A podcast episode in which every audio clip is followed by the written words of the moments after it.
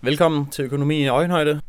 Dagens gæst er Asger Aumund, erhvervsmand og samfundsdebattør. Jeg inviterede ham ind til øh, et emne, der hedder øh, økonomiske udfordringer i Danmark. Han kom selv med tre forslag, vi kunne snakke om, hvilket var centralisering og formynder samfund. Et emne, jeg synes er meget vigtigt, fordi netop i Danmark, vi har sgu meget velfærd, men vi har også meget byråkrati. Og er der egentlig ubalance, så byråkratiet fylder mere end velfærden gør? Det bliver vi klogere på. Det andet var øh, omkring iværksætteri i Danmark. Altså, hvordan skaber vi nogle gode vilkår for iværksættere? Endelig var det integration, specielt med henblik med folk med muslimsk baggrund, som vi også bliver meget klogere på. Tre spændende emner, tre vigtige emner. De gav i hvert fald alle sammen noget at tænke over, og jeg synes også, det var interessant at se, hvordan de er indflettet i hinanden. Så når man siger det ene, så kan man faktisk nemt hoppe over til det andet. Og det tredje. Meget interessant. Det var en af de samtaler, der virkelig viste, at i Danmark, der er sgu rigeligt at komme efter, hvad vi skal gøre med samfundet, hvad vi skal gøre med økonomien, og hvad vi skal gøre politisk for at forbedre det. Jeg håber, det giver dig noget at tænke over, og hvis du har lyst til mere at tænke over, så følg økonomi i øjenhøjde, så bliver det ikke sidste gang.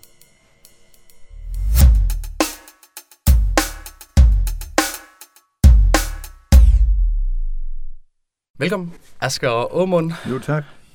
Dejligt, du vil være her. Jeg inviterede dig ind med den overskrift, der hed øh, økonomiske udfordringer i Danmark. Og så kom du selv tilbage med øh, tre underemner, øh, som jeg så har kaldt øh, centralisering og formyndersamfund. Der starter vi. Så går vi over til iværksætteri i Danmark, for så at slutte af med øh, integration i Danmark.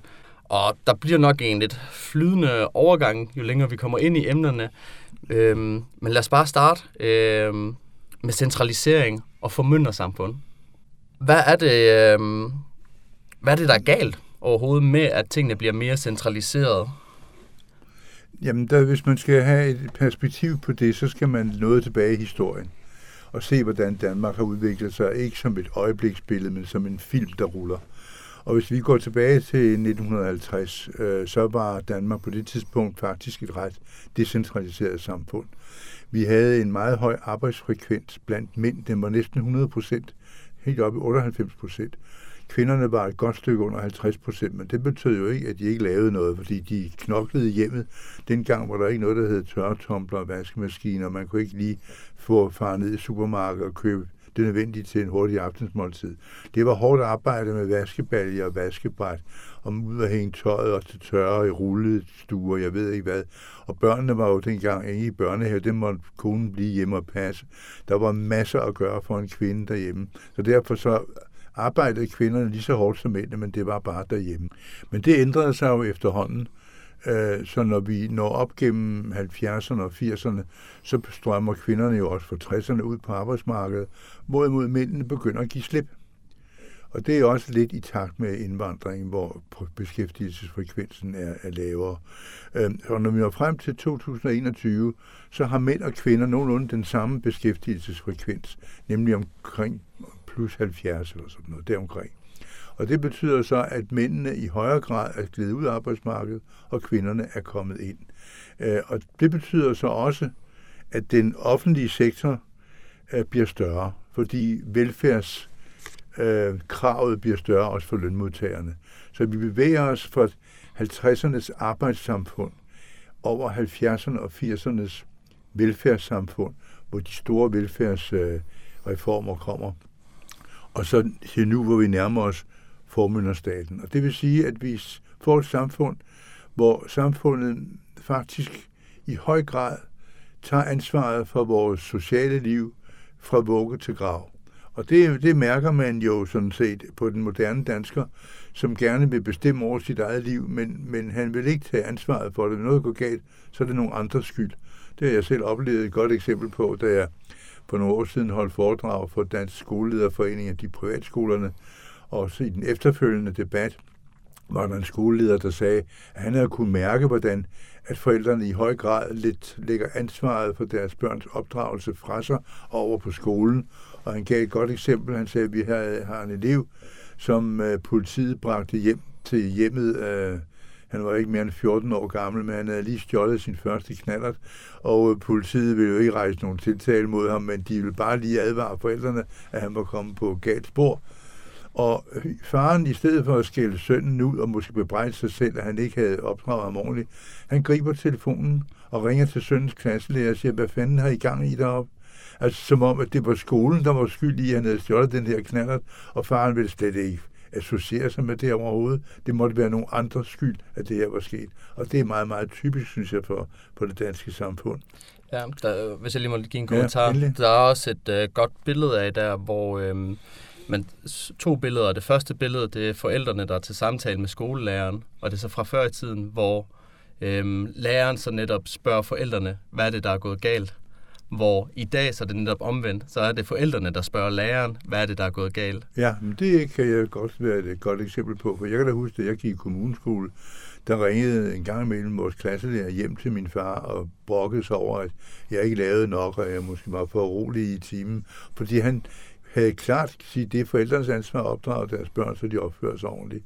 Og øh, det vil det, man ikke se i dag. Det er, der, I dag vil det være omvendt, det er du fuldstændig ret i. Ja, og man kan måske også se det inden for for eksempel øh, sundhed. Altså jeg tænker, at hvis man har det her sikkerhedsnet under sig, så tænker man måske mindre over, hvad man gør med sin sundhed, fordi man ved, der er et system bag en til at gribe en. Så på den måde kan man måske få en tanke om, at det kan ikke gå galt, fordi der er noget til at gribe mig. Jamen, det er rigtigt, og det, det betyder jo også, at, øh, at folk får et andet system til det, at for eksempel være uden for arbejdsmarkedet.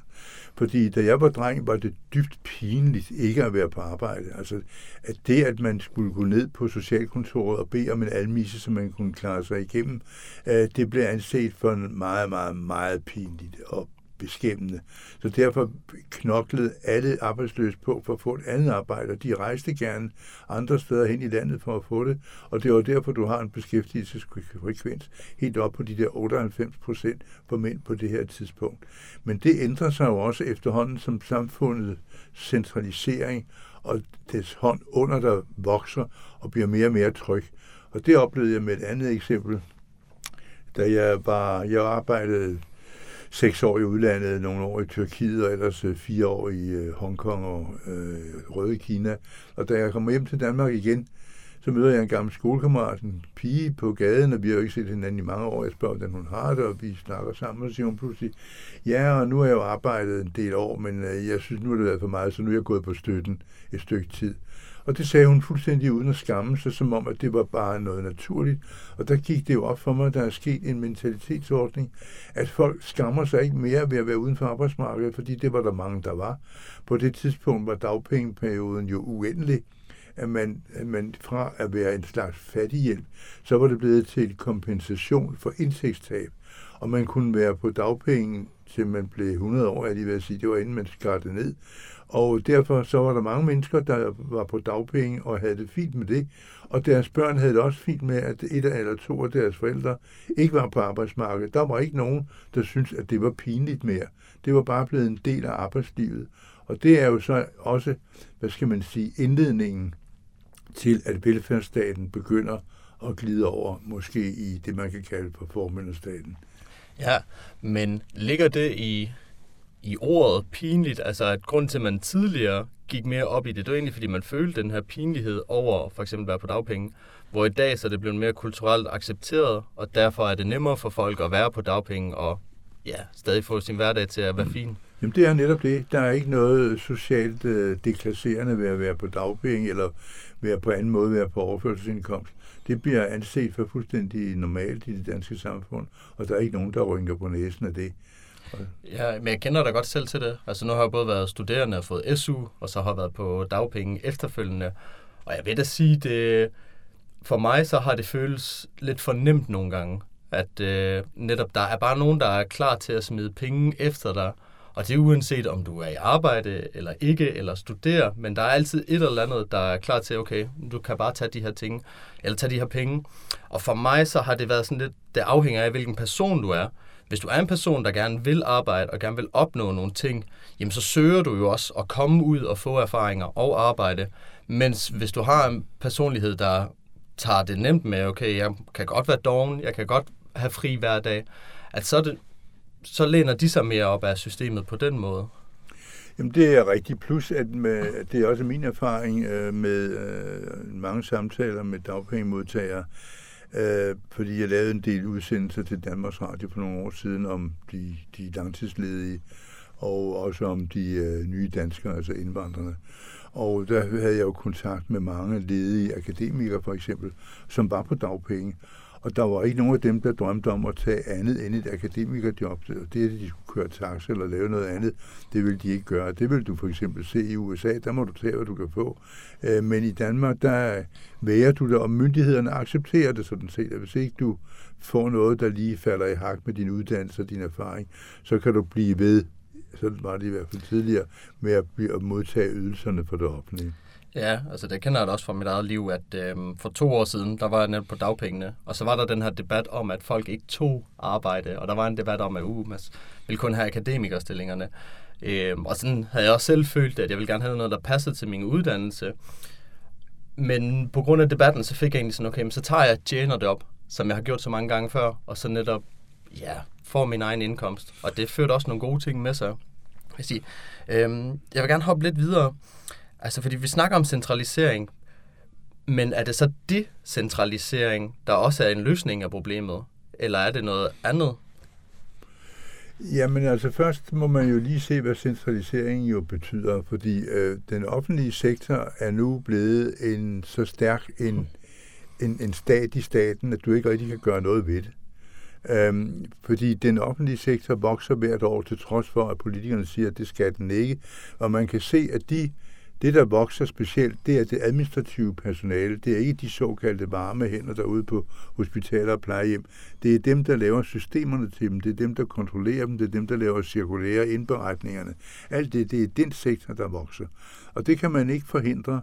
Øhm, og det har jeg et andet godt eksempel på. På en af de udsendelser, som jeg lavede til, til Danmarks Radio om de langtidsledige, der havde jeg en samtale med en fagforening, som jo brokkede sig over den enorme papirvæle, der skulle til, for at de kunne sætte folk i arbejde. De viste mig så en montre, de havde lavet med en bog, der var 3 meter lang, som indeholdt de 29.000 cirkulære, som alle sammen er i kraft som er som man skal kunne som uh, som arbejds uh, hvad skal vi sige formidler i jobcentrene og i, og i fagforeningerne for i det hele taget at kunne fungere. Og øh, jeg tog så overtalte dem til at vi tog den der øh, tre meter lange bog, der var lederindbundet, og kørte montren ind på Christiansborg, hvor vi stillede den op i gården foran bådindgangen. Og så fik jeg interviewet til kamera en del politikere. Nogle ville ikke interviews til kamera, men alle ville gerne udtale sig. Og da dagen var forbi, så havde jeg øh, kommentarer fra samtlige partier, fra det yderste venstre til det yderste højre, som alle sammen sagde, at det her er en skandale, og det må vi lave om på. Og det vil sige, at for første gang i mange år har du alle 179 mandater, som er enige om noget, der skal laves om, og noget, der skal... Det er nu øh, jeg tror, den blev lavet i 1914, 13, 14 stykker. Det er næsten 10 år siden, og der er intet sket. Der er intet sket. Så selv når du har et enigt folketing, som jo med et kæmpe flertal kunne lave det her om at få det rationaliseret, så sker der ikke noget, fordi de har ikke magten mere. Hele den store armé af ansatte i kommune og stat, øh, som, øh, som holder sammen med konsulenter, der er udenom, og jurister, jurister og rådgivere, de vil jo gerne have en stærk stat, for det er det, de lever af. Og derfor modsætter de sig, og politikerne har i dag faktisk tabt magten over den offentlige sektor. De kan ikke bestemme det mere, fordi selv når de siger, de vil, og, og de godt kunne skabe et flertal, så sker der ikke noget alligevel, fordi der er for mange, hvad skal vi, der er for meget pres internt til, at de kan lave det om. Og derfor er vi fanget i en underlig øh, opadgående spiral, hvor det ikke ser ud som om, at det kan laves om. Nej, det er nærmest uh, skræmmende at tænke på. Også netop fordi, man skulle jo tro, hvis det skulle ændres et sted fra, så skulle det være der. Og jeg får da sådan et billede af netop, at alle de paragrafer og regler, der ellers kommer, altså det er jo noget, der bare fylder vores samfund, og så egentlig bare synker det mere og mere nedad, fordi tingene bliver tungere og tungere og sværere at have med at gøre.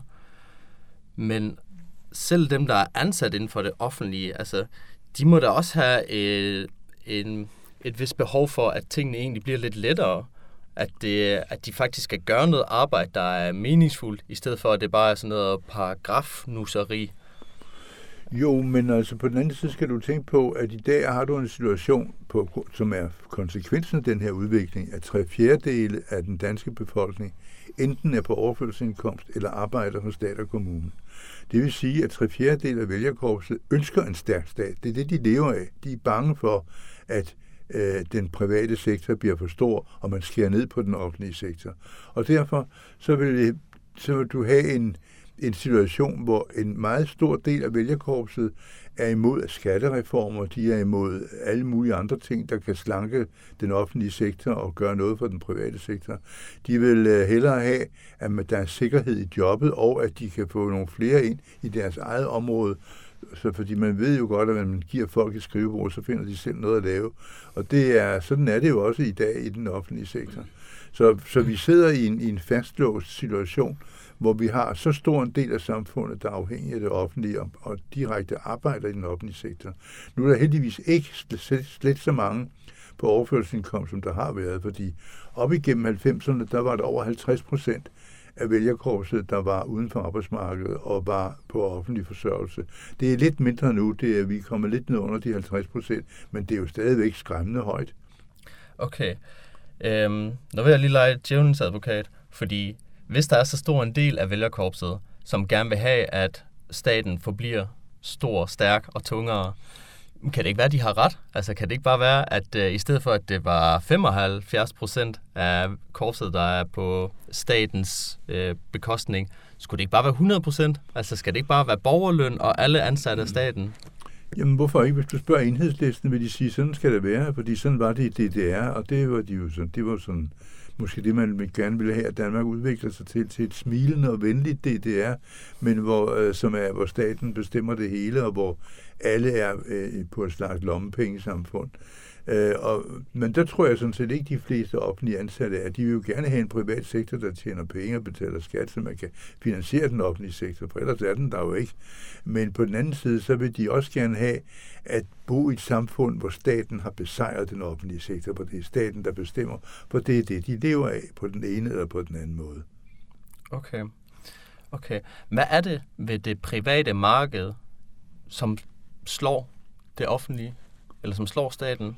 Hvorfor er det ønsket? Det er overlevelse, det er konkurrenceelementet. Altså for at øh, overleve i en virksomhed i dag, så skal man jo kunne fremstille og udvikle noget, der er bedre end det, konkurrenterne har.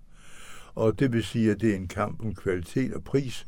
Og det betyder normalt, at man slanker virksomhederne, sørger for, at de er effektive og de er konkurrencedygtige og kan overleve og skabe nye arbejdspladser og ny produktudvikling og ny videnskab og hvad man nu ellers beskæftiger sig med. Og det er det, som gør, at der siver værdier ind i samfundet, som kan beskattes, og som er med til at finansiere den del af velfærdsstaten, som man nu gerne vil have. Okay. Altså, jeg kan jo godt øh, se for mig, øh, jeg, har været, jeg har været ret stor øh, jeg har lænt meget til den røde side. Jeg er så med årene begyndt at læne mere til den blå side. Men jeg har da godt kunne se det her med, at hvis det var staten, der varetog, lad os sige markedet, at så kunne man også stadig få den bedste kvalitet, fordi øh, man er jo stadig interesseret i at få de bedste mennesker ansat til jobbene, og så fordi der netop ikke er konkurrence, så skal man ikke øh, for eksempel gå ned på pris for at slå de andre, eller øh, finde på et eller andet, nu siger jeg bare lusket, men et eller andet, der kunne give en en fordel, fordi man ved, okay, det er os, der skal sørge for det, så vi skal nok levere det, til den bedste pris og til den bedste kvalitet, også selvom der ikke er konkurrenter? Jamen det har vi jo nogle gode eksempler på, at det kan jeg ikke lade sig gøre, for det er ikke sådan, det fungerer. Nu har jeg jo tilbragt en hel del år i lægemiddelindustrien, og i gamle dage, da vi havde jerntæppet med Sovjetunionen og hele Varsava-paklandene, alle hele Østeuropa, i løbet af den tid, hvor jerntæppet var der, er det ikke lykkedes dem at komme med et eneste receptpligtigt lægemiddel, der kunne sælges i Vesten. Der var absolut ikke nogen produktudvikling. Det hele var totalt stille, for der var ikke nogen incentiver, ikke nogen øh, stimulerende elementer, der gør, at man kunne udvikle nye og pågørende lægemidler. Alt kom på de vestlige lande, som øh, havde markedsøkonomi. Og der kan man se, at det er et dødt landskab. Det er en vissen hånd, der ligger der om bagved, hvis det er en socialistisk samfund. Fordi konkurrencen betyder, at der ikke er nogen fremdrift. Der er ikke nogen... Øh, der er ikke noget, der inspirerer dig til at gøre, godt, gøre det ypperste. Og det kan man se med en lang række andre produkter. Øh, I 70'erne, da vi havde farve-tv øh, af høj kvalitet i Vesteuropa, der kom øh, russerne med deres første farve-tv, som var en farse at se på, men en fuldstændig frugtsalat i billederne. Og øh, fordi der var ikke nogen konkurrence om, om seerne, det var jo statsfabrikker, der lavede det, og det var ligegyldigt, om det var farve-tv, eller ure, eller tandpasta, eller hvad det var. Alt var af ringe kvalitet. Og derfor er det det markedsorienterede kapitalistiske samfund langt det bedste til at udvikle nye produkter og producere kvalitetsprodukter. Og det er jo også på grund af det, at vi har kunnet løfte hundredvis af millioner mennesker i dag ud af fattigdom og til noget, der ligner mellemklasse i den, i den vestlige verden. Så selvfølgelig skal det også tøjles, og det er da rimeligt, at man har en stat, som er i stand til at kunne konfiskere en vis del af, af erhvervslivets indtjening, så man kan finansiere forsvar, sociale ydelser og den slags ting. Men øh, man skal også passe på, at balancen er der, og den er der ved at skride i Danmark. Okay. Og i den forlængelse, øh, du skrev til mig også det her med, at øh, borgerlige partier, de var ved at gå væk fra vækstøkonomi over til fordelingsøkonomi. Hvad mener du med det? Jamen i gamle dage, øh, altså 30-40 år siden, der kunne du der havde snakket man om, det gør man stadigvæk, om blå og røde partier, om vækstpartier og fordelingspartier. Og vækstpartierne, det var de partier, som i hvert fald i deres partiprogrammer havde en passus om, at væksten er forudsætningen for velstanden, som igen er forudsætningen for velfærden. Så uden vækst er der ingen velstand, og derfor ingen velfærd. Og det var, det, det var så ligesom deres credo. Og så havde du på den anden side fordelingspartierne, øh, eller rettere sagt øh, vækstpartierne, det var jo de konservative, det var Venstre, til en vis grad de radikale, det var Liberal Alliance, øh, og, og hvad der nu er tilbage af nye borgerlige. Øh, men, og, og fordelingspartierne, det var jo så de socialistiske øh, partier. Det var Socialdemokratiet, det var SF, det var den en også Alternativet, det var Enhedslisten, og det var også Dansk Folkeparti, som jo ikke er et borgerligt parti, men er et lidt gammeldags socialdemokrati med en, en hvad skal vi sige, med en borgerlig øh, migrantpolitik. Men de hører også til der. Og det, der kendetegner hele øh, fordelingspartierne, det er, at de interesserer sig overhovedet ikke for vækst. De har ikke nogen som helst aktive vækstprogrammer for den danske økonomi og stimulering af den private sektor. De er kun interesseret i at fordele hvad der nu er af Og Det har ingen udtryk bedre end Mette Frederiksen, som da hun blev formand for Socialdemokratiet, sagde til Berlingske Tiden i et interview. Jeg ønsker ikke at drøfte reformer. Jeg ønsker, at vi diskuterer, hvordan vi fordeler det, der ligger på bordet i dag. Og det kan ikke siges kortere og mere præcist. Men det, der er sket, det er jo et værdiskred, nemlig at de borgerlige partier også er blevet fordelingspartier. Fordi de kan, kigger jo ud over vælgermassen og kan se, som jeg sagde før, at tre fjerdedele af danskerne er afhængige af den offentlige sektor, fordi de enten arbejder der, eller fordi de får overførselsindkomst. Og det vil sige, så orienterer de bedetæpperne hen mod dem. Og det vil sige, at de bliver meget mere fordelingsbevidste. Og det fik vi jo et godt eksempel på ved valget i Folketingsvalget i 2019, hvor øh, Lars Løkke sagde, at han gik ind for et tættere samarbejde med Socialdemokratiet, og at han i øvrigt mente, at det, der var det økonomiske råderum på det tidspunkt, som var 70 millioner, udelukkende blev brugt til sociale og velfærdsformål. Det må vel have været 70 milliarder? Hvad var for noget? 70 milliarder? Ja, det var 70 milliarder. Ja. Det var det, det, det beregnede råderum på det tidspunkt. Ja. Og øh, jeg var med i uh, Clement Kærsgaards debatten lige op til valget, og stod lige ved siden af, af Jakob Ellemann, som bekræftede det. Han sagde under debatten, jamen altså, det er rigtigt det der med de 70 millioner. Venstre er nok et liberalt parti, men vi er også et socialt bevidst parti, og derfor så går jeg helt ind for det også. Og der har du så, at du får flyttet Venstre til at være et liberal øh, borgerligt parti over til at være et slags lyse blåt socialdemokrati, eller lyserødt socialdemokrati. Og det er jo der, de er i dag. Og det er specielt også der, hvor lykkes moderaterne er i dag. Og de konservative er der sådan set også.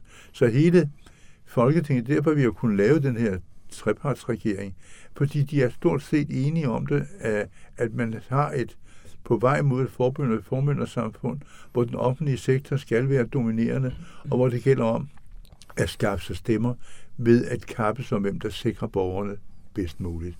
Og det er der, vi er i dag, og der, der ser ikke ud til at være nogen vej tilbage, fordi det er næsten det samvirkende folketing enige om. Du svarer næsten på mit næste spørgsmål, om, om det løb er kørt, altså netop at nu er vi kommet hen til så stor en stat og så stor en centralisering, at netop øh, folk har vendet sig til det, og der er størstedelen lever godt af det måske. Så er, er det bare slut, og så skal vi prøve at få det bedste ud af det? Eller er der en metode, en løsning, man kunne prøve at anvende? Jamen, det er, det er svært, fordi øh, det eneste, der er håb forud, det er internationalisering, fordi danske virksomheder er jo blevet internationale. De behøver ikke være i Danmark længere. De også vil orientere sig internationalt og lægger sig der, hvor de får mest for deres penge, hvor de er tæt på god teknologi, og hvor arbejdskraften er rimelig og den slags ting. Så man har ikke mere de der monolitter, der ligger i Danmark. Den moderne danske internationale virksomhed er mere et sæt pavilloner, der er spredt ud over et større landskab. Og det vil sige, at hvis tingene bliver forbruget her, og øh, byråkratiet bliver for meget, og der bliver øh, for meget statslig indblanding, så vil virksomhederne orientere sig andre steder fra. Og så vil beskatningsgrundlaget også skride. Det er jo sådan set nok det, der vil skræmme politikerne mest. Men, men hvis ikke det sker, og forløbig har øh, erhvervslivet jo smækket hælene sammen og accepteret hele den grønne bølge og klimarejslerne og jeg ved ikke hvad, øh, og, og, og ført sig sådan som øh, hvad skal vi sige, politikerne gerne vil have det, og synger pænt med i det kor. Øh, så der er ikke umiddelbart noget solskin rundt om hjørnet for at få afmonteret den øh, stat, det, det, det, hvad skal vi sige, ulemperne ved den stærke stat. Vi har jo haft en lang række skandaler inden for skat, og vi har skolesystemet, der ikke fungerer ordentligt. Vi har haft sundhedsplatformen, som har været fuldstændig lagt hospitalerne øde, som er øh, forfærdeligt ledet, fordi at ledelsen er forkert. Og vi har haft en lang række skandaler, uden at der rigtig sker noget. Ansvaret bliver ikke placeret, det bliver fordelt, og man lever med det og ligesom vender bladet og starter på for, for, på, for, for, på en ny. Og det vil sige, at vi igen vender os til, at byråkratiet og, og papirvældet er nogle gange det, der skal styre vores liv, og øh, så må vi slutte fred med det. Ja, men mindre en lille revolution kommer på banen. Mm. Jeg kommer til at tænke lidt på øh, Liberal Alliance i alt det her. Fordi, okay, lad os sige, det politiske, det er, det er sgu tabt. Men, øh, og grund til at tænke på Liberal Alliance, det er jo det her med temaet, at man skal tage ansvar. Det er jo meget et nøgleord for dem lige nu. Så hvis det politiske ikke fungerer, altså sådan rent kulturelt, er det der, vi så ligesom har en chance for at vende skuden, og netop få folk øh, omvendt få folk til at tage mere ansvar, få folk til at indse, at okay, øh, jeg skal forsørge mig selv i højere grad, og vi skal sørge for, at staten fylder mindre, så man på en måde arbejder udenom det politiske system, system og i stedet for at tage det ved rødderne og opbygger en ny slags kultur? Jamen, det er jo på vej, fordi der er jo en lang række unge mennesker, som har lige nøjagtigt den indstilling. Og de har ikke lyst til at være, hvad skal vi sige, umælende kvæg i en formynderstat, og bare øh, forveksle eller veksle deres frihed med tryghed. De vil noget med sig selv. Det gælder både mænd og kvinder. Kvinder er blevet meget mere karrierebevidste, og de vil gerne forsørge sig selv, fordi de ved, at det giver en personlig frihed, at der ikke kan komme nogen politikere efter, men de ikke er afhængige af de offentlige kasser. Så derfor har vi en ret stor del af den danske befolkning, som er fast besluttet på at gå mod strømmen for sig selv. Ikke politisk, det gider de ikke så meget beskæftige sig med, men for sig selv og deres familie og deres karriere vil de have en tilværelse, hvor de har høje frihedsgrader, hvor de kan forsørge sig selv, og hvor de bliver økonomisk uafhængige, hvad enten det, de skal bo i Danmark eller andre steder. Så, så, så den bevægelse har vi, og det er, øh, det er der en, en, en modsatrettet strøm, fordi det er med til at holde, hvad skal vi sige, den vibrerende, levende, konkurrencedygtige del af Danmark oppe og ikke synke til bunds. Ja. Okay.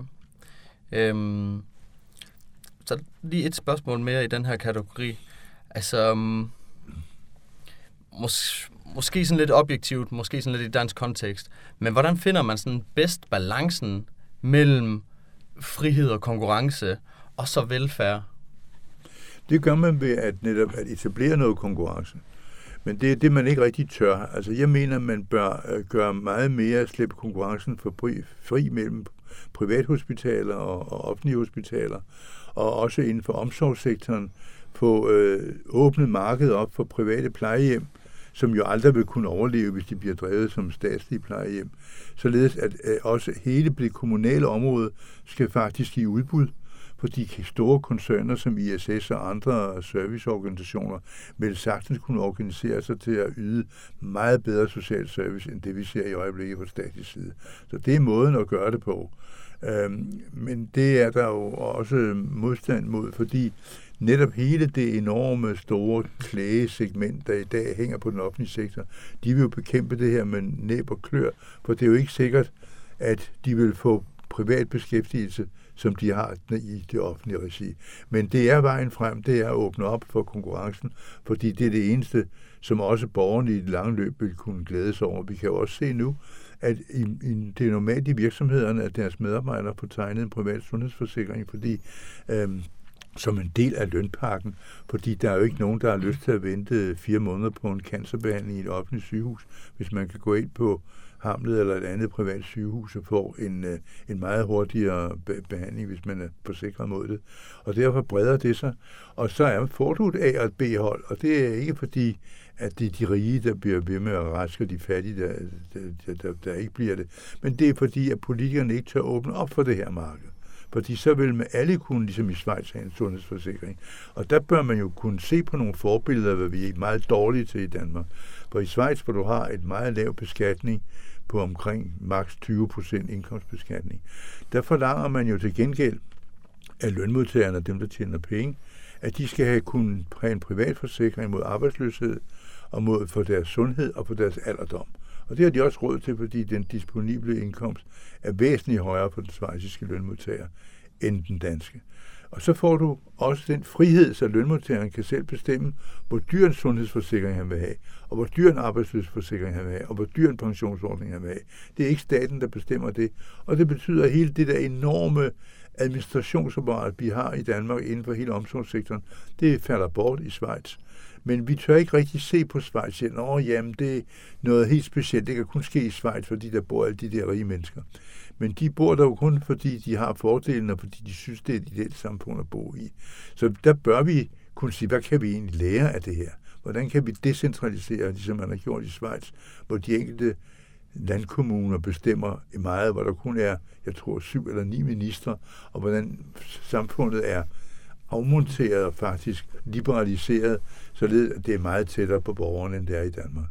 Ja, jamen, øh, ja, jeg snakkede med Lars Tvede øh, for nylig, netop om svejsisk økonomi, øh, og vil da gerne indrømme, det er en af tingene, der har gjort, at jeg er blevet meget mere borgerlig. Fordi netop når man hører det der tæt på, og hvordan også med politikere, at de nærmest bare gør det som deltidsjob, og netop det der, hvor tættere man er på velfærden, og hvor meget mindre skat der er, og mindre byråkrati, så er det svært ikke at blive mere borgerlig, synes jeg.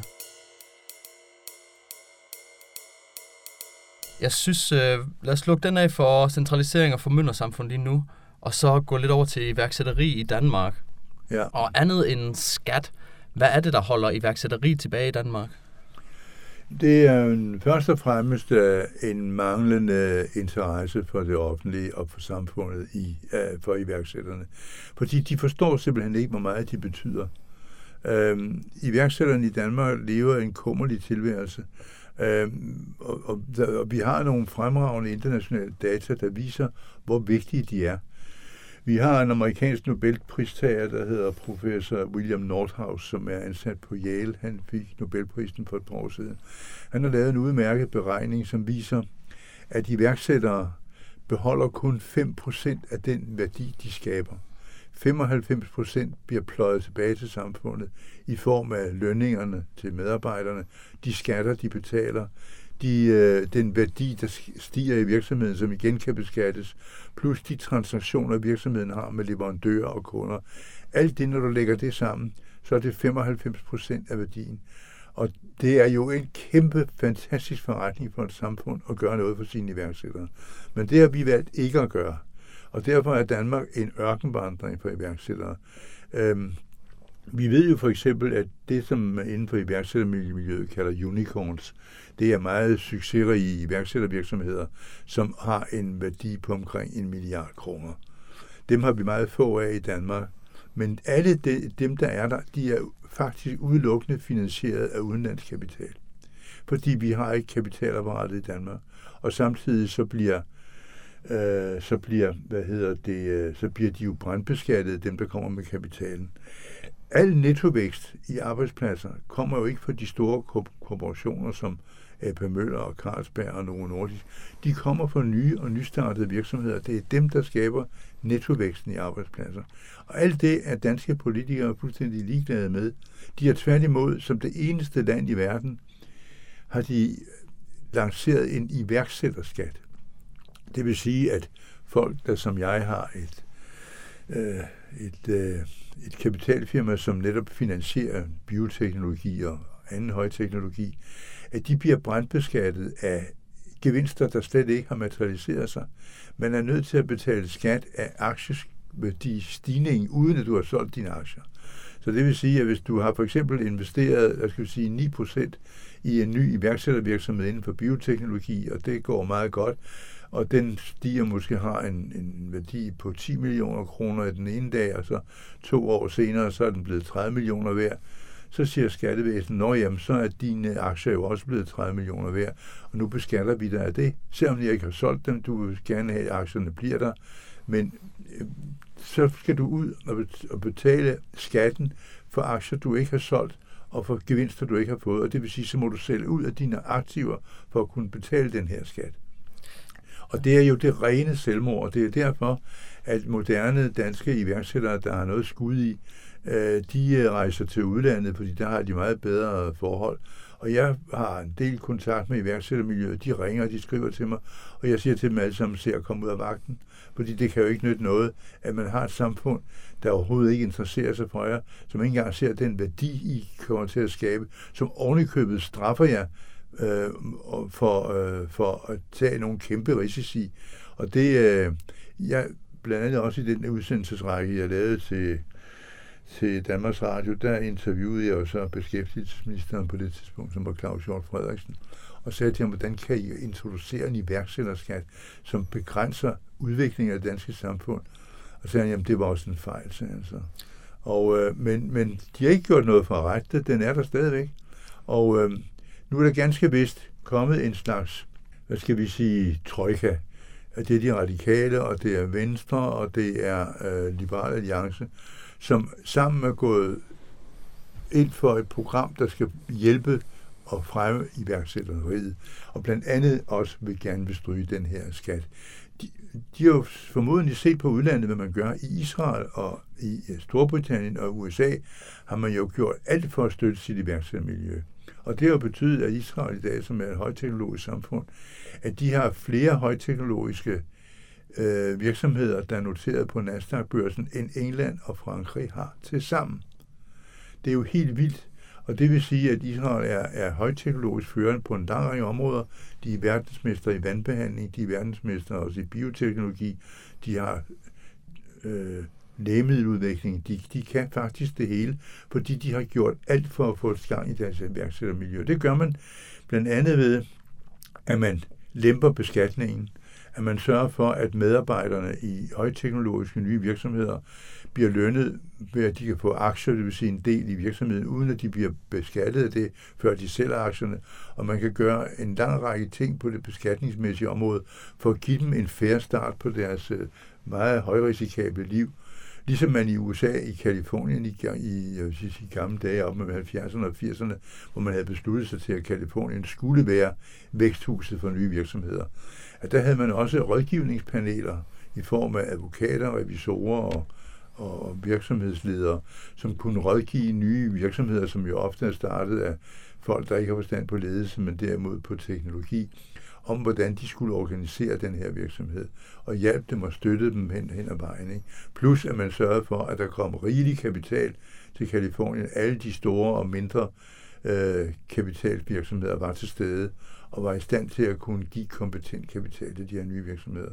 Og det er jo derfor, du har fået Silicon Valley, Og det er derfor, at min egen virksomhed, Bavaria Nordic, har en meget stor udviklingsafdeling, faktisk som nabo til Google i Palo Alto, fordi at der har bare forhold godt. Nu er det blevet forvidret noget på grund af den senere tid, men, men, men det har været et, et smørhul at være for iværksættere, som nu søger andre steder hen, og det er jo Chile, som begynder at gøre det samme, som Kalifornien gjorde for 40 år siden. Der er stadigvæk gode forhold i England og Skotland for det, og også Israel er et perfekte sted at være for en iværksætter. Og Danmark er ligger fuldstændig stendødt. Der er ikke nogen, der vil høre efter det, men er mere interesseret i at fordele det, der ligger på bordet i dag, end at lave reformer, der kan gøre samfundet bedre og rigere. Det har kostet 10.000 vis af arbejdspladser og værdier, at vi har forsømt iværksættermiljøet i Danmark. Ja, og det var også meget interessant at se en kobling på det, vi lige har snakket om med centralisering og en stor stat, at netop når den fylder mere, så skal den jo også have flere penge ind, og det sker jo blandt andet ved skatter, og for eksempel så er det jo så iværksættere, man gerne går efter, nok fordi det også er der, der er mange penge at komme efter, fordi, øhm, som du også siger, at det er det, der også genererer nye penge. Øhm, så det er meget interessant at se, se den kobling. Du har lidt svaret på det her allerede, øhm, men hvis vi nu tager det lidt som et vilkår, okay, der skal altså være nogle skatter til stede, fordi sådan er vi jo åbenbart bare i Danmark. Hvad kan man gøre for at imødekomme den her problemstilling med, at man gerne vil give så godt et grundlag for iværksættere, danske som udlandske, øh, som muligt? Jamen, der kunne man jo lære, at det, der har været de udenlandske succeser, Øh, selvfølgelig skal iværksætterne beskattes, men der er ikke før, de har tjent nogle penge. Og det, man starter jo med at gøre i Danmark, det er at beskatte venturekapitalselskaberne, som er jo hører til dem, som tør investere i noget, der betyder, at de næsten med stor sikkerhed taber deres penge. Så lægger man oven i købet en kunstig skat oveni, for at de ikke skal gøre det. Det betyder så også, at gør de det ikke, og så er det udenlandske virksomheder, som man ikke kan beskatte på samme måde, som tager de bedste perler. Men man er nødt til at forstå, at investere som samfund i en iværksættervirksomhed, det er bare en udskydelse af skattebetalingen. Man investerer jo i dem med et god skattereform, for at de senere kan blive gode skatteborgere. Men det kan ikke noget at brandbeskatte dem i starten, så derfor vil det være rimeligt, hvis man også i Danmark sagde, jamen, for eksempel nye virksomheder, nystartede virksomheder, øh, skal have lov til at give aktier til deres øh, medarbejdere, som ikke bliver beskattet, før de har solgt de her aktier. De skal bare have lov til at have dem, og den dag, de sælger dem, så skal de selvfølgelig betale den aktiebeskatning, som samfundet nu har. Man skal også være mulighed for, at man i de første år, hvor de tjener overskud, får enten udskydelse eller en skattelempelse, som gør, at de kan konsolidere sig. Og der er mange muligheder for at støtte en sådan virksomhed. Ligesom du bare skubber cyklen i gang, så må du selv træde pedalerne, men her vælter vi manden af cyklen, inden han har trådt sin første runde i de pedalerne. Og det er, fordi politikerne har fuldstændig øh, misforstået og vendt ryggen til det værdiskabelse, som iværksætterne har, i modsætning til andre lande. Så vi er nødt til at se på det, som professor Nordhaus har lavet, at det er der værdierne skabes, det er der arbejdspladserne skabes. Og vil vi ikke gerne have det? Jo, det vil vi gerne have. Og, men, men så må vi også yde en indsats for at få det, så man må investere i nutiden for at få den fremtidige indtjening. Ja, det giver perfekt god mening. Og netop det der med skatning af aktier. Øh, altså, på en vis kan jeg godt være fortaler for, at man skal beskatte aktier, øh, fordi fra mit syn, så er det jo ikke noget, aktivt man øh, giver til samfundet, men, men at man gør det, inden man har solgt det. Altså fordi netop, okay, så skal du både beskattes, øh, når der var potentialet for at tjene penge, og hvis så øh, det går nedad med aktien igen, og man så egentlig lider et tab, altså så er det to gange, man har tabt på de aktier. Ja. Og det virker bare, ja, dumt. Straight up. Men det her, hvis vi skal hjælpe nogle øh, virksomheder, altså kan vi trække det offentlige ind der? Fordi vi har jo øh, nok af penge at gøre med, så kunne det også være noget, at det offentlige skulle for eksempel øh, i en ny virksomhed, det her det er jeres første år, vil vi gerne give jer en pulje penge, så I kan udvikle jer, ansætte flere, vækste? Nej, det synes jeg ikke, fordi jeg synes, det offentlige skal holde sig fuldstændig væk fra øh, noget så dynamisk miljø, som, øh, som, som iværksætteriet, fordi de har ikke nogen som helst forudsætninger for at forstå, hvad der foregår. De skal bare acceptere det, og så skal de lade virksomhederne, de nye virksomheder må selv finde kapitalen. Men den kommer, hvis kapitalen har gode muligheder, som vi har set i Kalifornien. Så hvis man sørger for, at man ikke brandbeskatter kapitalgiverne, venturekapitalvirksomhederne og bankerne, som giver penge til, øh, som investerer i, i iværksætterne, så kommer de helt af sig selv, for de vil jo også gerne tjene penge. Så det, og så skal man, som det offentlige, som jo bestemmer skattestrukturen, så er man nødt til at sige, at vi bliver nødt til at investere som skattevirksomhed, som skatte, hvad skal vi sige, chefer i nutiden for at få den fremtidige indtjening. Vi gør det ikke på deres blå øjnes skyld, men hvis vi investerer i dem nu, ved at vi lemper dem i skat, så ved vi, at så kan vi plukke dem senere om 5-10 år, når de er blevet rigtig meget værd, og når de øh, tjener rigtig mange penge. Og det er det, det offentlige kan gøre. Plus at man naturligvis kan øh, facilitere, at universiteterne øh, i højere grad end nu er med i, øh, i innovationen og øh, i, øh, i, i iværksættervirksomhederne. Det er der stadigvæk muligheder for nu, og blandt andet min egen virksomhed har et meget fint samarbejde om vacciner med Københavns Universitet. Men øh, de skal stimuleres mere.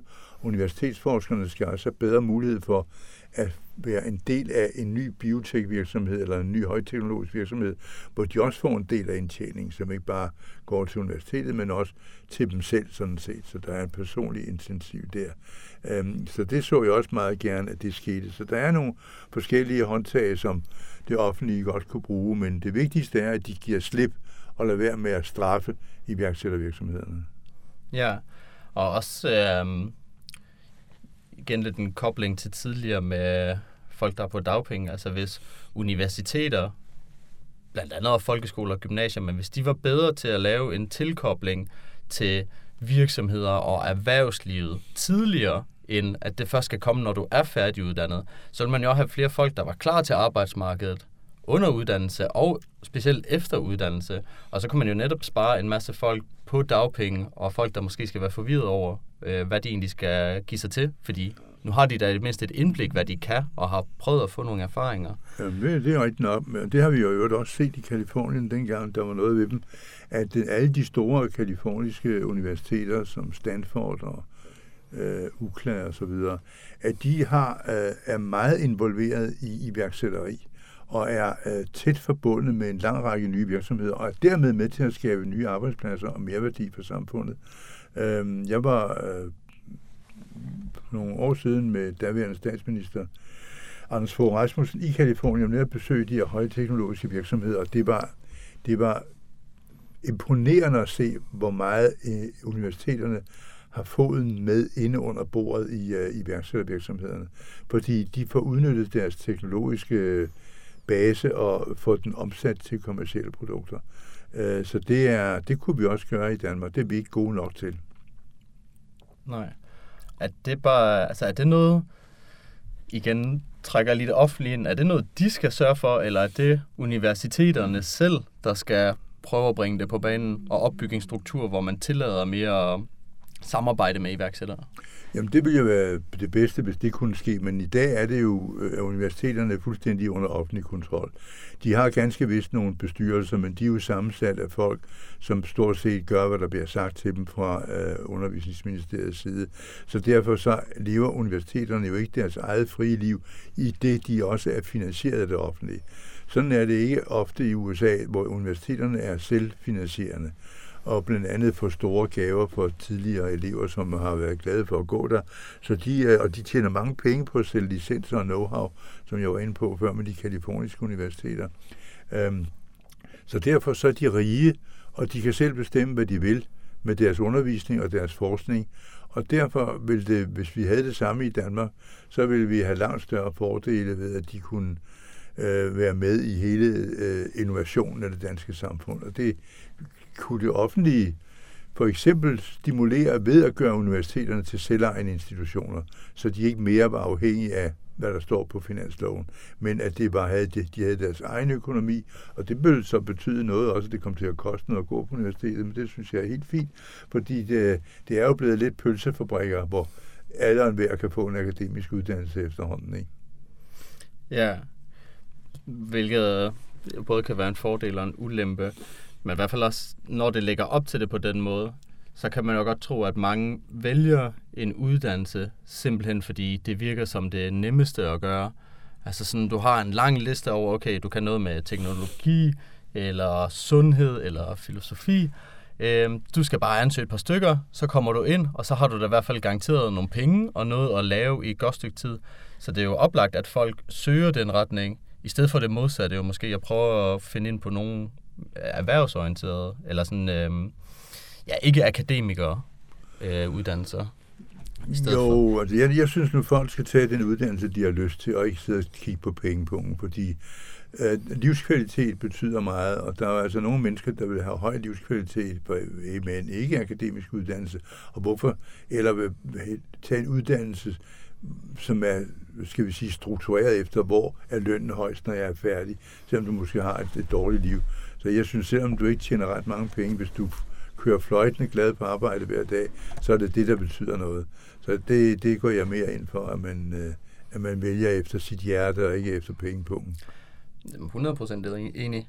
Og en af grundene til at valgte filosofi også, det var jo, altså, jeg forventede i hvert fald ikke, at der var jobudsigt bagefter, men jeg forventede, at jeg havde muligheden for at skabe mine egne rammer i forhold til, hvad jeg kunne lave efterfølgende, ja. og netop komme fløjtende på arbejde, mm. øh, når jeg så havde fundet ud af, hvad det skulle være. Og det var heldigvis godt på vej. Hvis vi snakker sådan øh, iværksætter igen, øh, jeg har lad mig høre, at øh, banker, de er faktisk ikke så glade for at hjælpe små øh, nystartede virksomheder, fordi der er flere penge at hente i øh, boligudlån og, og finans, eller ikke finansiere, men medfinansiere større virksomheder, fordi de jo netop har noget større kapital og en mere sikkerhed. Er det noget, du er enig i, at banker godt kunne være bedre til at hjælpe små virksomheder? Ja, selvfølgelig, fordi banker de kan noget helt andet. De låner penge ud mod sikkerhed, og der er, hvis der er noget, der ikke er i en iværksættervirksomhed, så er det sikkerhed. Så derfor er bankerne helt ude af det der finansmarked.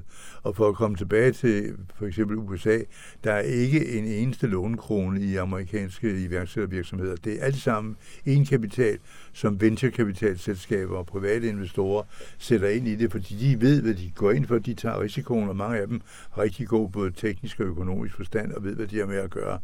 Så derfor skal bankerne holde sig helt væk fra det her. Fordi hvis du låner penge som iværksætter en bank, hvad du ikke kan i øvrigt, øhm, så vil banken hele tiden være på nakken af dig for at være sikker på, at der nu er sikkerhed for det. Ikke? Så derfor, de lever i en helt anden verden, som er milevidt fra, hvad der sker hos iværksætterne. Så derfor skal bankerne helt ud af den finansiering. Okay, så her er risiko ligesom et nøgleord som er måske også noget, vi skal være bedre til i Danmark. Altså være bedre til at tage risikoer og støtte dem, der tager risikoer. Jamen det, det er der nok af. Der er jo sådan nogle som mig for eksempel. Det er det, jeg lever af. Altså min virksomhed, den, den investerer i bioteknologi og lægemiddeludvikling. Og øh, der er vi jo godt klar over, at en del af de investeringer er højrisikable, fordi det hele kan gå galt. Men det har nu været min hverdag gennem 30-40 år, og det er jeg sådan set godt nok tilfreds med, fordi jeg har meget godt forstand på det, og, øh, og det er der mange andre, der også har. Så det vil ikke være noget problem at få en helt anden finansiering af iværksætteriet i Danmark, hvis man bare man lader være med at straffe dem, der kommer med kapitalen. Okay, så du, øh, du fløjter på vej til arbejde? Jamen det gør jeg, selvom jeg bliver straffet. ja, og det kan man også fløjte lidt over. Okay, Øhm, hvis vi sådan lige skal summe det lidt op i forhold til iværksætteri, nu har vi lige været lidt inde på risiko, men hvis man sådan kort skal sige, hvad er det, vi skal gøre bedre for iværksættere i Danmark? Ja, vi skal af med strafbeskatning, vi skal af med iværksætterskatten, og vi skal sørge for at sætte et skattesystem op, som gør, at vi investerer via lempelige beskatninger af medarbejderne og de nystartede virksomheder, sådan at de senere kan blive gode skatteborgere og betale det, de, de skal. Det er det, det er det vigtigste, og så skal universiteterne give os op til, at de i højere grad deltager i hvad skal vi sige, fornyelsen af det danske samfund i form af, at de også deltager i innovationen og i, iværksætteriet, og deltager i nye virksomheder, både videnskabeligt og sådan set også økonomisk.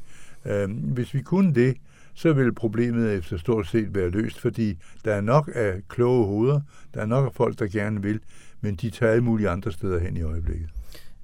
Ja.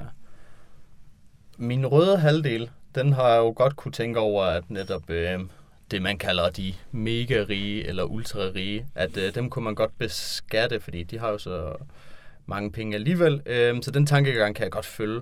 Men jeg kan selvfølgelig også godt forstå uretfærdigheden i det, og hvorfor det kunne være demotiverende for nogen at så overhovedet kæmpe for det. Men hvis jeg nu spørger dig, hvis man sådan, okay, jamen det er bare et vilkår, at der skal være høje skatter, hvad kan man gøre for ligesom at kompensere, altså et, et plat eksempel måske, det vil være at rejse en statue af dem, der har betalt over, lad os sige, 100 millioner i skat. Men, men det er bare for at komme med et eksempel på, hvad kan man egentlig gøre for at imødekomme, okay, vi tager en masse penge fra dig, det er vi godt klar over, vi vil gerne give noget igen. Hvad kan det være? Jamen, det bedste, man kunne gøre, det er at forstå, at folk, der har tjent mange penge, at de øh, reinvesterer de penge i samfundet. Det er jo ikke folk, der vælter sig i kaviar og champagne og køber 50 øh, forskellige ejendomme rundt omkring i verden. Det er mere dem, der har arvet nogen i forvejen.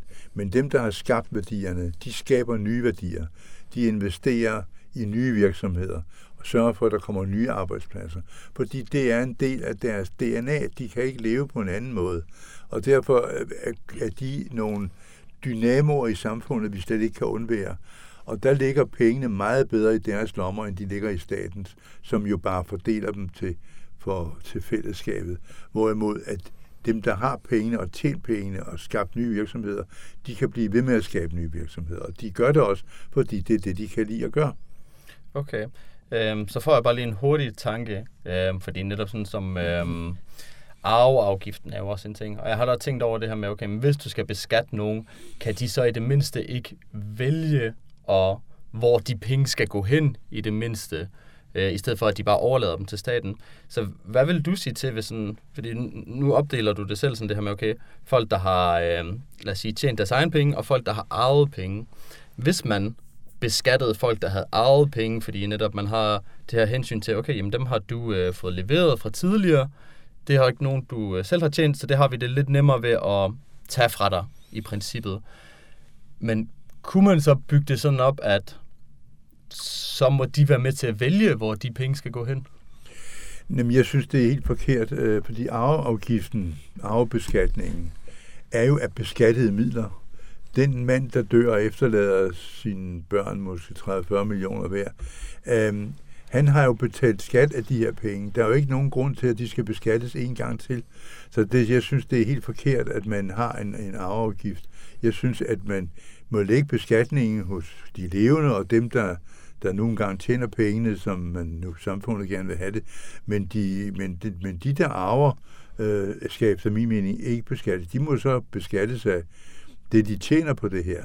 Hvis de investerer penge, og det gør de jo, så vil de jo kunne betale aktie aktiebeskatning og mange andre ting, og indkomstbeskatning af det. Det kommer jo automatisk. Der er jo ikke nogen grund til, at man skal betale afgift også. Og det har jo også betydet, at øh, generationsskiften er blevet meget vanskeligt, fordi at øh, beskatningen er for tung. Så øh, det har samfundet hidtil været ligeglade med, men, øh, men jeg mener, at man skal helt af med afgiften på de der beskattede midler. Ja, det er da også en lidt spøjs ting at sige, at netop man beskatter de døde på den mm. måde. Øhm, det kan jeg godt være lidt spøjst. Men hvad med bare sådan selve ideen om det her med, at, at folk, der betaler meget i skat, de også kan få en indflydelse på, hvor de penge går hen? Er det noget, der giver mening? Nej, det synes jeg sådan set ikke, fordi øh, de har jo indflydelse nok på deres virksomheder, der de har tjent det. Så må samfundet, når de nu har konfiskeret øh, en del af indtjeningen, så må de jo bestemme, hvor de penge skal gå til. Så det synes jeg ikke, at, øh, at den private sektor skal ind og bestemme, hvad offentlige midler skal bruges til. Så der tror jeg, at vi skal have en arbejdsdeling, hvor vi placerer ansvaret hvert sit sted. Så lad os uh, tage hul på det sidste. Øhm, integration af ja, indvandrere, og så har vi jo mest henblik på øh, dem med muslims baggrund, fordi det er dem, der har, lad os sige, de værste tal. Altså det er jo godt halvdelen, øh, det har det i hvert fald været 2021, hvor det er halvdelen for kvinder, der er i arbejde, og lidt højere for mænd, der er i arbejde. Hvad, hvad er problemet i det her? Altså hele integrationsspørgsmålet. Hvad er problemet? Ja, problemet er, at det danske samfund ifølge Finansministeriets egen økonomiske redegørelse bruger 90 milliarder kroner hvert år på at finansiere livet for migranter og efterkommere fra islamiske kultursamfund, som ikke er blevet integreret i samfundet. Det er jo et kæmpe beløb. Det er jo fire gange forsvarsbudgettet, i hvert fald mindst 90 milliarder kroner hvert år. Så har myndighederne forsøgt at frisere det her ved, at de siger, at det ikke er 90 milliarder kroner, det er i virkeligheden kun nogle 30 milliarder kroner. Det er fordi, de har, når de viser, de her, offentliggør de her tal, så fraregner de øh, migranternes anslåede indbetalte skatter og afgifter, øh, og så trækker de det for bruttobeløbet på de 90 milliarder, og derved når du ned på de 31. Men sådan regner man jo ikke i det offentlige. Der er jo i hver offentlige regnskab, også de private, er der en indtægtsside og en udgiftsside, og man kan jo ikke bare præsentere sammensmeltning af dem, nettobeløbet. Politikere kan jo ikke tage hensyn til, eller kan jo ikke behandle finansloven, hvis ikke de kan se, hvad skal samfundet afholde af udgifter på den ene side, og hvad kan vi få via indtægter på den anden side. Man tager jo ikke bare et tal, nemlig udgifterne, fratrukket indtægterne, og siger, at det behandler vi. Og sådan er det jo for eksempel, hvis du tager Rigshospitalet, der ved vi jo alle sammen, at det koster omkring 7 milliarder om året. Men du kan godt komme ned, hvis du friserer det på et tal på, det kunne koste 3 milliarder, hvis du fratrækker lægernes og sygeplejerskernes og portørernes og dyrkernes øh, samlede indtægter, eller hvad, samlede skattebetalinger og afgifter. Så derfor så har Skatteministeriet eller Finansministeriet, de har jo friseret de her 90 milliarder, således at når politikerne taler om, hvad det koster, så bruger de nettobeløbet. Det er de blevet opdraget til, også fordi, at de synes, det er pinligt, at de, at de bliver konfronteret med de fulde forbrydelser, som er de 90 milliarder kroner. Og grund til, at det er så meget, det er jo selvfølgelig, fordi en meget stor del af indvandrerpopulationen er uden for arbejdsmarkedet, og det, de penge går jo til at, at, at finansiere deres liv ved hjælp af overførselsindkomster.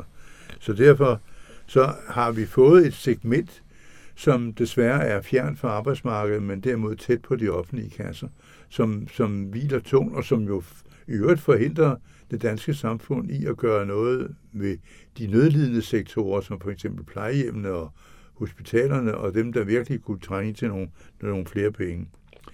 Det, der er problemet, er, at når du har øh, folk fra de islamiske lande, øh, så vil de sådan set gerne være en del af det danske øh, samfund, men de vil ikke være en del af det danske demokrati, og de vil ikke være en del af den danske retsstat.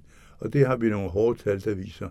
Og det gælder ikke bare Danmark, men det gælder store dele af Europa, at øh, den største amerikanske opinionsvirksomhed, PEW, Pew, lavede for nogle år siden en undersøgelse af de otte største EU-lande, hvor de spurgte øh, indvandrere og deres efterkommere med islamisk kulturbaggrund, hvad vil I helst bo i et øh, Europa, hvor der er demokrati og en retsstat som nu, eller vil I gerne have, at det skal være en stat, der er en religiøs stat styret efter Koranens principper.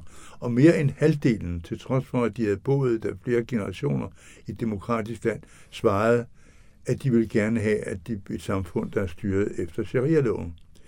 Og i Danmark var det endnu værre, fordi øh, øh, opinionsselskabet Vilke lavede for Jyllandsposten, jeg tror i 2017, en undersøgelse, stor undersøgelse blandt danske migranter og efterkommere med islamisk kulturbaggrund, der viste, at 77 procent ønskede at leve i Danmark, der var styret efter Koranens principper.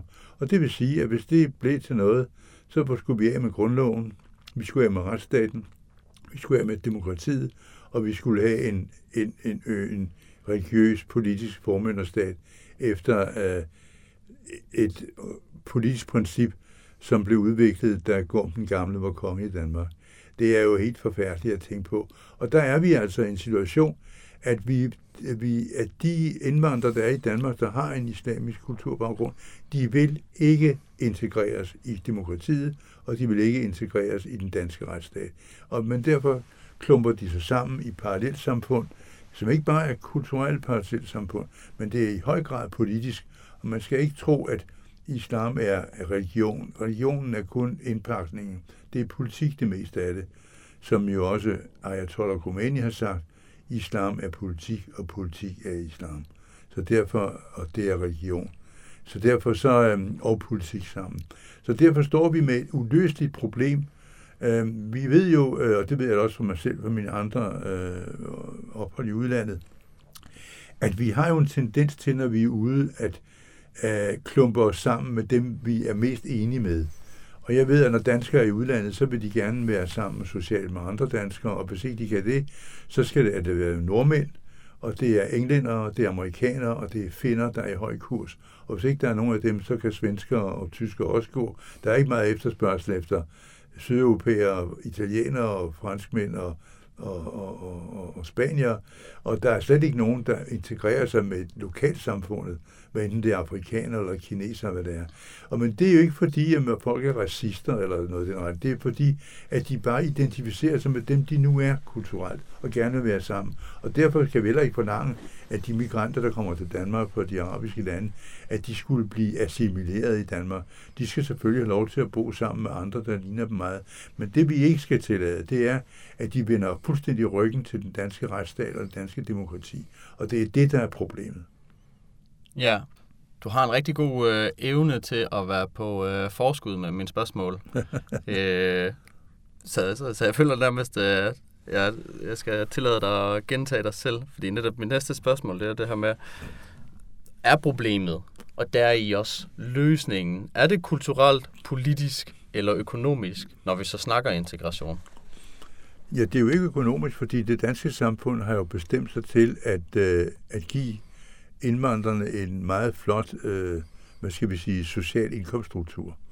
Så de lever fint af kontanthjælpen og de øvrige øh, hjælpeforanstaltninger, øh, der, der findes derude. Så, øh, så det er det, der er ikke, sådan set ikke nogen problemer med.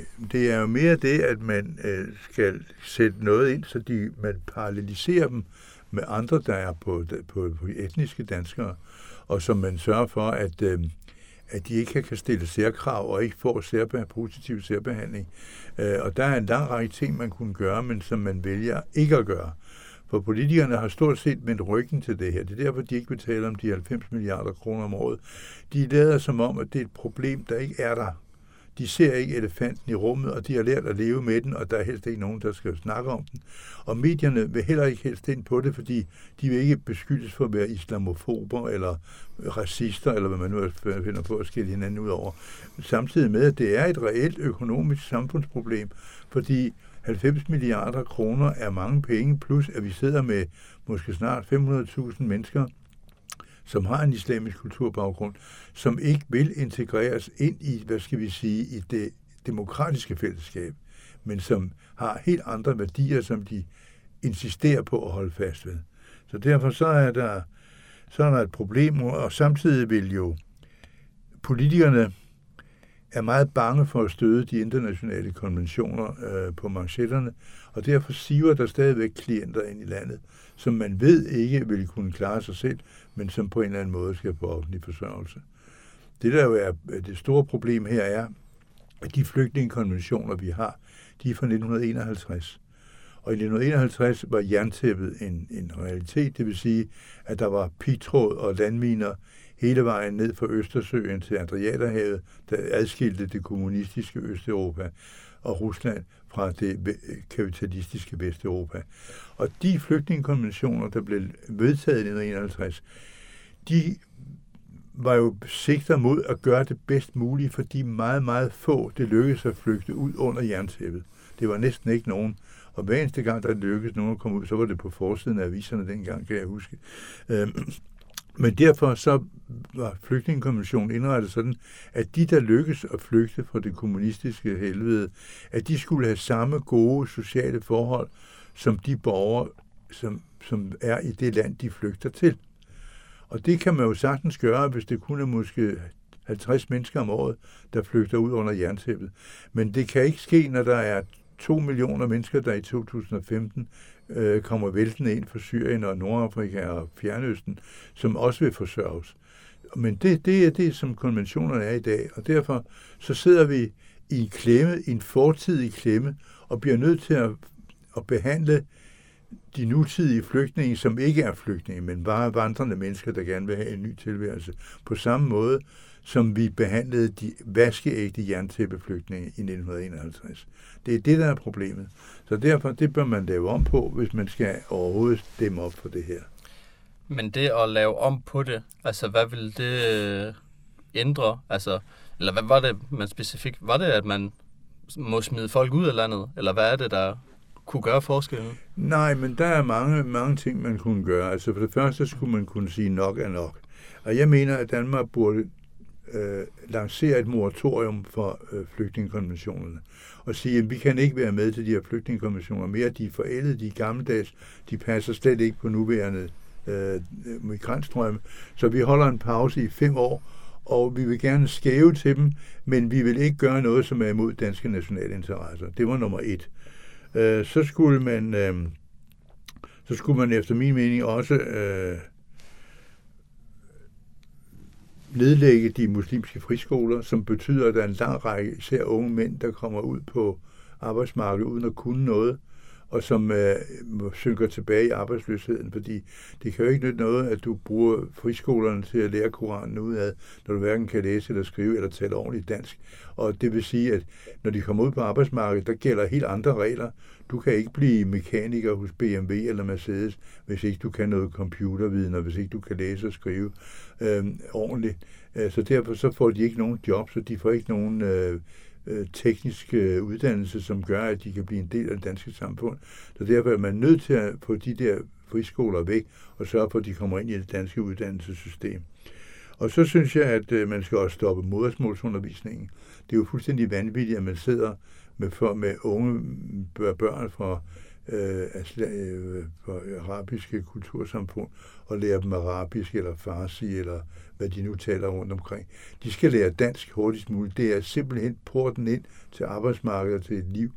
Øh, man vil jo aldrig have haft store, rige indvandrerlande som Australien og USA, hvis folk havde fået modersmålsundervisning på polsk og tysk og jiddisch, når de var kommet ind i de her lande. Det var, de vidste, at hvis ikke de lærte engelsk meget, meget hurtigt, så døde de simpelthen.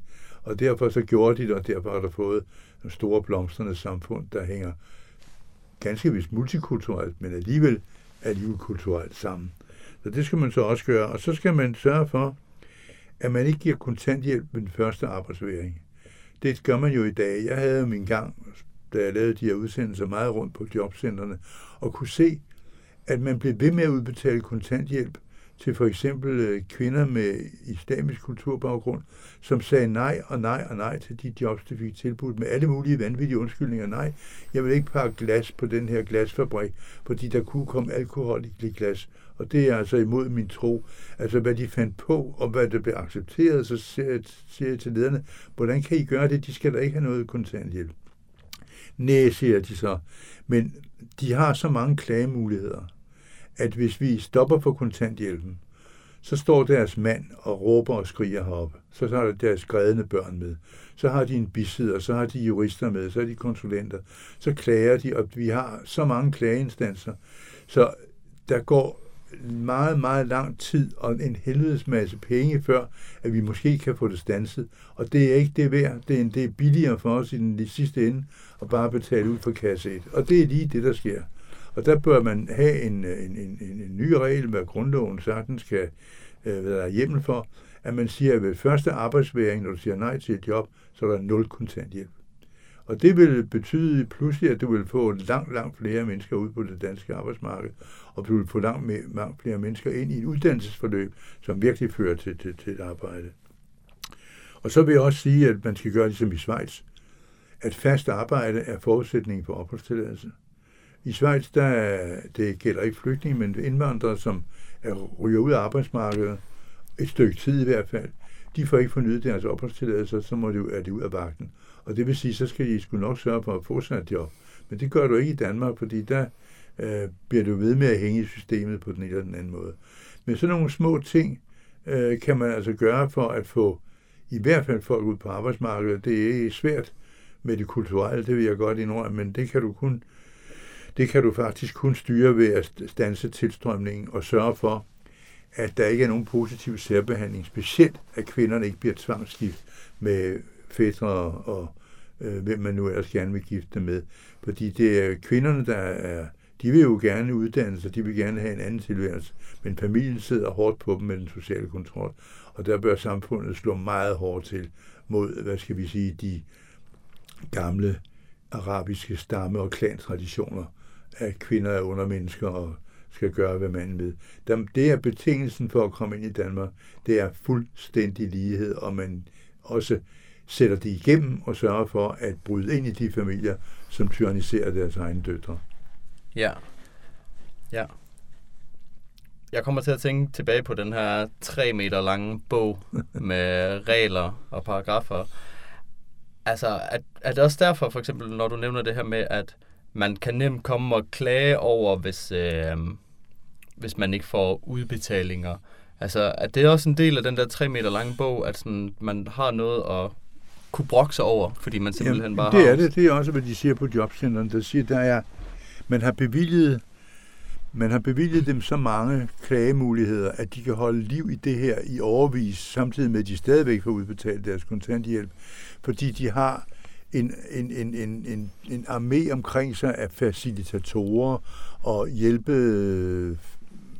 mennesker og konsulenter og jurister, som lever af det her, og som sørger for at holde gryden i kog, øh, indtil at man, de må, måske endelig får en, en kendelse den ene eller den anden vej. Og det er et kæmpe bøvl, siger de, så det koster kassen, og det er involverer alt for mange tabte arbejdstimer for os, der skal beskæftige os med det, så er det altså nemmere bare at betale. Ja, og de jurister, der hjælper til, de vil også betale af staten. Ja, det er de. Okay, det er meget interessant at se nogle af de sammenhænge, der egentlig er på kryds og tværs af emnerne. Men man kan sige, meget af det er jo så bundet op på lovgivning faktisk. Øhm, hvis, hvis vi snakker om job, det ser du vel som, at det er det vigtigste for en god integration. Hvorfor det? Det er den måde, du kommer ind i et samfund på. Så får du øh, kolleger, du lærer at tale med dem, du lærer at forstå, hvordan stemningen er på arbejdspladsen, og du lærer at gebære dig i et dansk arbejdende miljø. Og det er et godt sted at være, for vi ved fra en lang række arbejdssociologiske undersøgelser, at 70 procent af alle danskere trives godt på deres arbejde. Det er ret højt. Så det der med den sædvanlige kliché med, at vi er lønslaver, og vi tænker kun på at fri og sådan noget, det passer ikke. Danskerne lægger meget stor vægt på det sociale øh, værdi, det er at have et arbejde og have arbejdskolleger. Og det er jo derfor, mange øh, også bliver ulykkelige, hvis de bliver arbejdsløse, som gerne vil arbejde. Så derfor så er det bedste, der kan ske, både kulturelt og arbejdsmæssigt, det er, at indvandrerne kommer ud på arbejdsmarkedet og lærer, hvordan det er at være i et pulserende, samvirkende dansk samfund. Okay. Jeg har jo læst lidt op øh, til i dag, og der læste jeg blandt andet, øh, hvad Socialdemokratiet har prøvet at gøre for integration. Og der er blandt andet det her med, at de har et krav om, at, øh, at øh, en gruppe af indvandrere, de skal arbejde 37 timer om ugen, øh, netop for at komme ind på jobmarkedet og blive integreret. Jeg synes alligevel godt, det virker som øh, en lidt stor mængde timer for nogle mennesker måske, men kunne man godt lempe lidt på det, så det måske hed 20 timer i stedet for?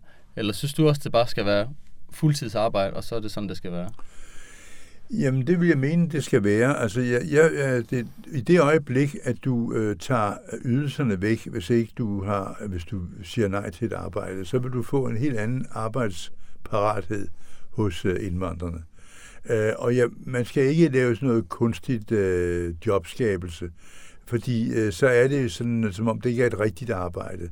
Så er det bare, at man er der, og man skal jo gøre et eller andet for at få sin kontanthjælp. Og det synes jeg er forkert. Jeg vil hellere have overladet det til arbejdsmarkedets parter. At det må man øh, arbejdsgiverne og arbejdstagerorganisationerne finde ud af. Så, øh, men selvfølgelig skal der være et passende uddannelsesforløb. Man skal selvfølgelig kunne finansiere det, men, men en lang række af de indvandrere, der har været på offentlige ydelser i mange år, de kan jo ikke noget, og de er, øh, de er jo hægtet af, og vi, du har faktisk en, en, en hel øh, generation i sølvbryllupsalderen, som vi bare må slutte fred med at sige, at vi kan ikke skubbe dem ud på arbejdsmarkedet, fordi der har de ikke noget at gøre, og så må vi finansiere dem, indtil de nu stiller træskoene om 30 år, og det er der ikke noget at gøre ved. Vi skal have fat i de unge, og dem, der stadigvæk er i den arbejdsdygtige alder på den yngre side. Og de skal ud og lære noget, og de skal ud og kunne noget, og de skal ud på arbejdsmarkedet og tjene nogle penge. Der er jo brug nok for hænder. Altså, du kan se, hvordan øh, hotel- og restaurationsbranchen skriger efter arbejdskraft. Og de får den ikke. Og der må man så sige til øh, den migrant, der kommer ind, eller efterkommeren, at hvis ikke du går ud og tager det job øh, i, på det her det hotel, så får du altså ikke nogen penge. Og det skal ikke være et sådan et, et pettigrørflætningsjob, hvor det er øh, bare en, ligesom en kunstig beskæftigelsesramme, øh, du har for, at det ser ud som om, at du arbejder. Det skal være et rigtig ægte job, som arbejdsmarkedet efterspørger, du har. Øh, og så, så får du dine penge, og så er det problem løst. Så jeg kan ikke lide de der beskæftigelsesforanstaltninger, hvor man bare bliver stillet til rådighed for arbejdsmarkedet som en slags, hvad skal vi sige, skalkeskjul for at få nogle penge. Det skal være et rigtigt job. Ja, jamen jeg vil gerne prøve at lege lidt videre på den tanke, øh, fordi jeg sidder nemlig og tænker på det her med, fordi øh, lad os sige for den gruppe, hvor arbejdsmarkedet, øh, 37 timer, det er for meget af den ene eller anden grund. Måske det er for sent, måske det er noget fysisk, måske det er noget mentalt. Men der må vel stadig være nogle muligheder, og har jeg nok mere over i den del af, jeg ved ikke om det er en del af arbejdsmarkedet, men, men det jeg vil kalde frivillige organisationer, altså hvor man stadig øh, mobiliserer hænder, øh, fordi der er jo alverden, man kan lave inden for det frivillige, Altså, kunne det være en mulighed, at man prøver, i stedet for at det skal være eksklusivt arbejdsmarked, man kommer ind på, men at man egentlig bare prøver at mobilisere kræfterne hen, hvor der kunne være brug for dem, men hvor det måske ikke har så meget med øh, kapitalismen at gøre, men mere sådan, ja, frivillig baseret? Jamen, det tror jeg ikke rigtig er løsningen, fordi du får også et enormt øh, problem med fagbevægelsen. Fordi de vil sige, at altså, hvis folk skal i beskæftigelse i Danmark, så skal det altså være en rigtig beskæftigelse. Og det kan ikke nytte noget, at vi opfinder nogle forskellige øh, hvad skal vi sige, beskæftigelseslommer, som hverken er fugl eller fisk. Og det, er, det vil også tage jobs for os i, øh, i, øh, i de samvirkende fagbevægelser. Så det, det, det vil der være stor ballade med. Det er der allerede i dag jo. Så, øh, men hvis man gør det, at man tager kontanthjælpen fra folk, der ikke vil arbejde, og at man tager opholdstilladelsen væk for dem, der ikke har beskæftigelse, så vil man få nogle rigtig gode øh, ansporinger til, at folk tager beskæftigelse og den uddannelse, der fører til beskæftigelse. Og så er problemet, det bliver ikke løst, men det bliver afhjulpet i høj grad. Ja, og der har jeg lyst til at sige, at det gælder jo både for indvandrere og for danskere. Det gør det absolut. Det er vi helt enige om. Ja, godt. Altså, der, det, er, det er nogle store rammer, vi får tegnet her, synes jeg. Og det lyder, nogle af dem kan man da godt blive sådan lidt pessimistiske omkring, at uh, der er ikke så meget at gøre, og, uh, og det i hvert fald bliver svært. Men hvis vi lige skal tage ja-hatten på, altså, hvad, hvad tror du, der er ved Danmark, som kan gøre, at de her ting faktisk kan lykkes? Der er jo hos den arbejdende del af befolkningen en stor omstillingsparathed. De, der, er, der er mange, der godt kunne tænke sig, at vi bevæger os i en anden retning, hvor vi både har et, øh, hvad skal vi sige, et ansvarligt fællesskab og passer på hinanden, og samtidig noget mere dynamik og fremdrift inden for øh, det danske samfund. Øh, og øh, det, det er jo nok løsningen, og der tror jeg jo, som jeg har sagt før, at man må godt lade sig inspirere for eksempel af Schweiz, så ikke lidt nøjagtig kopi, men hvordan kan vi for eksempel omlægge den danske offentlige sektor, således at vi sænker beskatningen og sørger for, at der bliver mere selvfinansiering inden for at sikre os mod alderdom og sygdom og arbejdsløshed og den slags ting. Og så gør, som jeg nævnte før, gør meget mere for iværksætterne. Så der er nogle små håndtag, som alligevel til sammen vil være med til at bringe samfundet i en mere dynamisk retning. Og i øvrigt også så øge beskatningsgrundlaget, øh, så man kan gøre noget for de onde knaster i velfærdssamfundet, som i høj grad er omsorgssektoren og øh, hospitalsvæsenet og sådan noget. Hvad, hvad mener du med det? Altså sådan onde knaster? Jamen det er jo, at det kører rigtig dårligt på plejehjemmene, som jo er, øh, hvor, hvor det er jo kun en brygdel af skandalerne, der kommer frem. Men der er jo rigtig mange af de ældre, som ikke får bad, og de bliver tørret af med vådservietter. Maden er forfærdelig, og der bliver ikke fejret ved jul og nytår, der får de noget hundede, og det er i det hele taget ikke nogen spøg at være på mange plejehjem. Og hospitalerne er jo forkert ledet i, det, i de udenlandske elitehospitaler, som Cleveland Clinic eller Heidelberg Universitetshospital. Det er ledet af læger. Hvorimod i Danmark er det jo dyrfer, der leder det. Og lægerne har nok ansvaret, men de har ingen bemyndigelse. Man har frataget dem en stor del af deres bemyndigelse. De har ikke øh, mulighed for at gå stuegang med tidligere. Øh, det har de ikke nok, men de kan kun besøge få patienter. De skal selv skrive journalerne, og de skal selv øh, bruge en masse byråkratisk tid, som de i gamle dage kunne overlade til en lægesekretær. De har ikke mere øh, mulighed for at være arbejdsgiver for sygeplejerskerne. De er underlagt nu øh, den ledende sygeplejerske, som bestemmer, hvad de skal lave. Så overlægen kan ikke forlange, at sygeplejersken skal gå med på stuegang, hvis oversygeplejersken ikke synes det. Så derfor er man taget en masse autoritet væk fra lægerne, som de har på andre hospitaler, og det betyder, at danske hospitaler ikke er særlig godt ledet. Plus at danske læger jo ikke kan komme på en tjenesterejse, medmindre de udfylder et hav af papirer og skal øh, udsættes for alle mulige øh, spørgsmål om, hvad de skal og hvad de ikke skal. Det er, det er hårdt at være læge i et samfund, hvor man har ansvaret for, det, for terapi og diagnose, men øh, hvor man ikke har noget at skulle have sagt. Og det er det, der sker på hospitalerne. Det kan man lave om på. Men det har man jo ikke rigtig lyst til, men det kan man gøre. Ja, men det tænker jeg, at man, man vel kan gøre ved en del af det her, når vi snakker formyndet samfund. Altså at ved de enkelte ting, så får man da lyst til at sige, at man kunne godt ændre det, men som vi jo har været lidt inde på, det er svært, når man kigger på det i sin helhed, fordi der er så mange ting, der så skal ændres, at, ja. at en lille del, det er bare ikke nok, at der er virkelig nogle, ja, nogle ræb, der skal, der skal skæres over. Okay. Øhm, sidste spørgsmål herfra. Hvad, mm, og det er sådan lidt mere egen interesse, men hvorfor synes du, at øh, det giver mening for folk at skulle gå op i øh, samfund og økonomi? Jamen på samme måde som de skal gå op i deres familie. Altså samfundet består jo af mange familier, og øh, det er vores fælles familie. Og derfor synes jeg, at hvert menneske også har et ansvar for at yde et bidrag til, at samfundet bliver bedre i morgen, end det er i dag. Det kan vi så være uenige om, men så må der stå en politisk og demokratisk kamp om det. Men øh, det, at man bare lukker sig om sig selv og sin familie, og klarer dagen og vejen og siger til helvede med de andre, det synes jeg er forkert. Jeg synes, vi alle sammen har et, øh, et medansvar på samfundet og skal give vores bidrag til det. Okay, så for at få, få så ved at forstå økonomien, så har man bedre indsigt i, hvad der vil være gavnligt kan man sige det?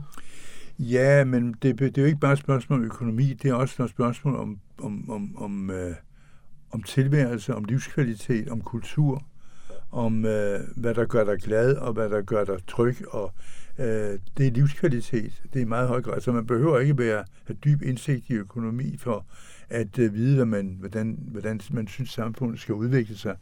Og det ved man jo i gamle dage, var det jo folk, der sad i Folketinget og Rigsdagen, som det hed dengang, som jo ikke var økonomer, det var landmænd, og det var håndværkere, og det var forskellige andre.